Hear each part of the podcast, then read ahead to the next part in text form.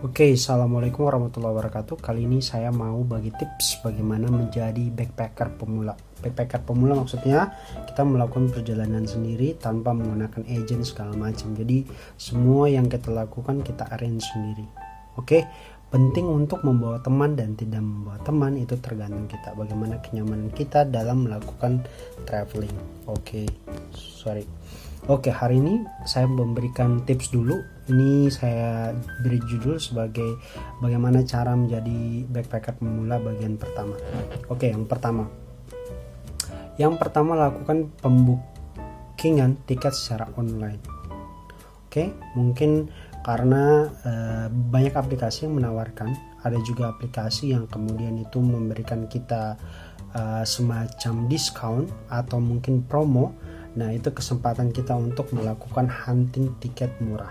Kalau misalnya teman-teman punya duit ya beli aja, terserah kapan pun, di mana pun, kapan pun terserah menggunakan aplikasi apa pun. Tapi kalau misalnya teman-teman ingin melakukan penghematan budget, maka saya rekomendasikan untuk selalu memantau aplikasi-aplikasi atau website yang berhubungan dengan pembukingan tiket secara online yang mungkin saja memberikan promo sehingga kita mendapatkan ya bisa dibilang harga yang murah untuk tiket pesawat. Oke. Salah satu aplikasi yang saya gunakan adalah Traveloka. Mungkin ada teman-teman yang melakukan juga pengecekan uh, di berbagai situs yang memang itu menawarkan harga tiket secara murah. Jadi yang pertama teman-teman harus lakukan adalah atau siapkan itu terbiasa atau bisa melakukan pembelian tiket pesawat secara online. Itu yang pertama. Saya di sini uh, bukan promo tapi saya pribadi menggunakan Traveloka dan saya membeli sekitar setahun atau ya sebelum saya berangkat. Atau mungkin sebenarnya tidak ada tidak ada aturan harus kapan berangkat tapi eh, teman-teman uh, pintar saja untuk melihat kapan harga naik atau harga karena harga turun. Karena biasanya ada info yang bisa kita cari mungkin saja itu tiket turun atau tadi yang saya bilang ada promo.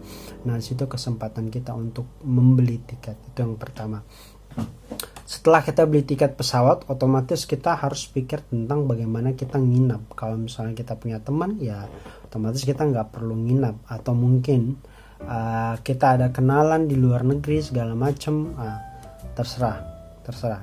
Oke. Okay. uh, terus yang kedua ya masih yang kedua akomodasi itu kita anggap di sini akomodasi berupa hotel. Nah, berupa hotel ada beberapa cara yang bisa kamu lakukan. Yang pertama itu bisa menggunakan aplikasi aplikasi free yang bernama Couchsurfing. Oke, Couchsurfing ini seperti aplikasi buat backpacker di mana backpacker ini uh, menggunakan aplikasi ini kemudian untuk mencari teman di negara tujuan dan biasanya teman ini uh, ini tergantung teman ya. Maksudnya biasanya teman ini memberikan kita mungkin penginapan atau memberikan kita guide. Nah itu gitu aja. Artinya kita bisa bisa melakukan pertemanan uh, dengan tujuan backpacker nih. Melalui backpacker sesama istilahnya sesama komunitas backpacker.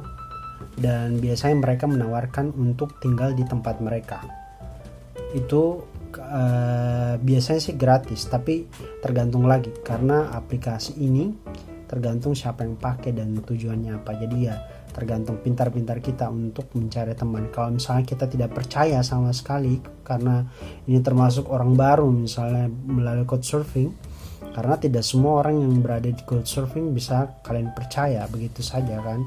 Jadi hal yang selanjutnya adalah me, apa? Nih sorry. Hal yang selanjutnya yang kamu lakukan adalah membooking tiket. Kalau misalnya kita nggak ada akomodasi gratis saatnya membooking tiket hotel. Nah uh, pengalaman saya yang ke Malaysia, Singapura, segala macam Malaysia, Singapura, Thailand, Vietnam segala macam tuh saya lakukan uh, booking tiket melalui online. Dan aplikasi yang saya gunakan adalah Agoda. Nah ini juga bukan promo menurut saya Agoda juga sangat gampang. Nanti uh, kita bisa memilih hotel di Agoda kemudian memilih tanggal dia dimilih ta- uh, tanggal bisa memilih memilih harinya kapan kemudian kita bisa memilih price price yang kita mau dan itu bisa kita gunakan kurs rupiah nah untuk di Agoda sendiri saya kurang tahu apakah kita bisa melakukan transfer saya lupa tapi yang saya lakukan secara pribadi adalah uh, melakukan booking secara online menggunakan kredit card untuk sistem pembayaran untuk sistem pembayaran saya menggunakan kredit card. Nah, nanti saya akan bahas bagaimana tentang penggunaan kredit card. Uh, setelah itu uh, kita biasanya tinggal kamu untuk daerah yang akomodasinya atau hotel itu cara tempat-tempat strategis. Biasanya di tempat-tempat wisata itu lebih bagus untuk melakukan yang namanya booking hotel untuk tinggal. Karena kalian bakalan gampang dan mudah untuk ke mana-mana. Karena berada di si apa nih daerah yang strategis. Bangun pagi kemudian tinggalin hotel dan cabut untuk uh, siap untuk backpacker di negara orang. Oke okay, dan seterusnya adalah ke, ke ketiga. Setelah tadi pesawat uh, kemudian hotel dan seterusnya adalah transport. Transportnya adalah maksud saya adalah bus. Karena di pengalaman saya sendiri mungkin teman-teman juga mau mengikuti saya menggunakan bus ke beberapa negara. Misalnya dari Singapura ke Malaysia saya menggunakan bus karena menurut saya dekat. Dan kemudian dari Malaysia Kuala Lumpur ke Hat Yai Thailand saya juga menggunakan bus jadi di sini bus juga penting untuk perjalanan yang saya kategorikan sebagai perjalanan yang cukup jauh cukup panjang Nah, kamu juga bisa membeli tiket bus ini. Kalau saya pribadi saya kurang tahu untuk situs atau web-web di Indonesia atau aplikasi, saya kurang tahu. Kayak sepertinya ada, cuman saya membelinya di easybook.com atau beberapa mungkin kalian bisa typing di Google dan mencari uh, misalnya uh, bus to uh, Kuala Lumpur to Hatyai misalnya. Nanti ada beberapa website yang muncul di sini kamu bisa membeli uh, tiket tiket uh, bus tiket bus tersebut. Nah ini juga saya rekomendasikan kalau misalnya teman-teman ingin membeli tiket bus saya sarankan untuk perjalanan jauh itu ambil di saat malam hari. Misal karena yang pertama itu menghemat waktu yang pertama.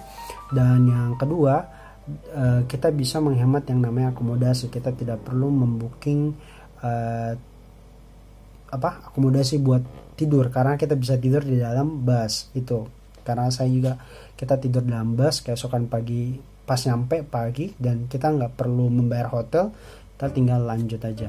Nah itu untuk transport tadi dan juga saya menggunakan credit card untuk melakukan pembayaran Nah, poin keempat, credit card. Ini mungkin teman-teman tanya, loh, kalau aku nggak punya credit card, nah kalau nggak punya credit card sih agak susah karena uh, credit card itu uh, mungkin ada alternatif untuk pembayaran, tapi saya belum paham. Yang jelas credit card di sini sangat membantu. Nah, caranya adalah uh, credit card ini kalau misalnya punya gampang. Tapi kalau misalnya nggak punya mungkin bisa pinjam teman. Tapi caranya adalah pinjam teman kamu punya kartu kredit oke. Okay. kemudian suruh dia melakukan uh, input atau melakukan pembayaran karena ini berkaitan dengan kepercayaan ya. Karena kredit card itu salah satu kartu yang istilahnya sangat sensitif ada kode-kode yang tertentu yang gampang dipecahkan dan gampang untuk mengambil istilahnya mengambil kredit dari kartu tersebut secara online hanya dengan menginput kode-kode tertentu. Nah, di sini. Jadi uh, pastikan yakinkan kalau misalnya kamu pergi uh, lebih baik suruh orang yang menginput adalah orang yang mempunyai credit card biar supaya ada trust. Kecuali kalian saling percaya itu yang pertama itu penting. Nah kemudian tagihannya gimana? Karena uh, credit card di sini yang saya maksud biasanya kita menggunakan pembayaran menggunakan kurs dari negara tujuan. Misalnya saya membeli bus atau membeli segala macam itu kita menggunakan kurs di negara tersebut. Nah credit card juga penting. Jadi jadi misalnya kita beli uh, atau pesan ambil contoh misalnya kita beli tiket bus. Nah tiket bus itu kita lihat harganya itu berdasarkan dengan kurs misalnya Mia apa berdasarkan dengan MYR atau ringgit Malaysia oke? Okay?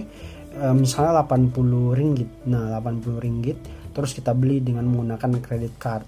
Nah pas kita menggunakan kredit card itu nanti invoice segala macam akan dikirim ke email kita. Di email kita itu kelihatan itinerary-nya ke mana kita ke mana ke mana jam berapa segala macam itu ada jelas dan tagihannya berapa 80 MBR dan kemudian di credit card statusnya gimana? Di credit card biasanya tagihannya akan muncul itu uh, sepertinya muncul setelah satu hari setelah kita melakukan transaksi. Aku juga agak kurang ingat. Nah di situ sudah dilakukan konversi ke rupiah. Seperti itu. Jadi saya 80 MIR anggap saja satu uh, satu ringgit tuh anggap saja 4000 misalnya. Berarti 320.000 misalnya. Jadi kita harus membayar ke teman 320.000 atau kalau misalnya kita tidak yakin hmm, kita bisa menelpon ke customer service dari credit card. Jadi credit card ini cuma digunakan untuk ya saat-saat mendesak ya atau keperluan-keperluan yang mungkin membantu kita. Jadi setelah kita dapat invoice tadi jangan sampai credit card tadi ini uh, jalan sampai satu bulan. Uh, lebih baik kita membayar langsung ketika credit card tersebut digunakan. Misalnya saya menggunakan credit card hari ini dan sebaiknya dibayar hari itu ketika mungkin kita sudah tahu tagihannya atau mungkin dibayar e, besok harinya ketika sudah ada tagihan yang jelas misalnya berapa rupiah yang harus kita bayar. Seperti itu. Jadi itulah tips dari saya. Kalau misalnya teman-teman ada pertanyaan bisa di teks apa nih bisa diketik di kolom komentar. Dan saya akan coba membantu. Ini baru tahap pertama. Nanti insya Allah saya akan mencoba memberikan tips berikutnya untuk tahap yang kedua. Terima kasih. Bye bye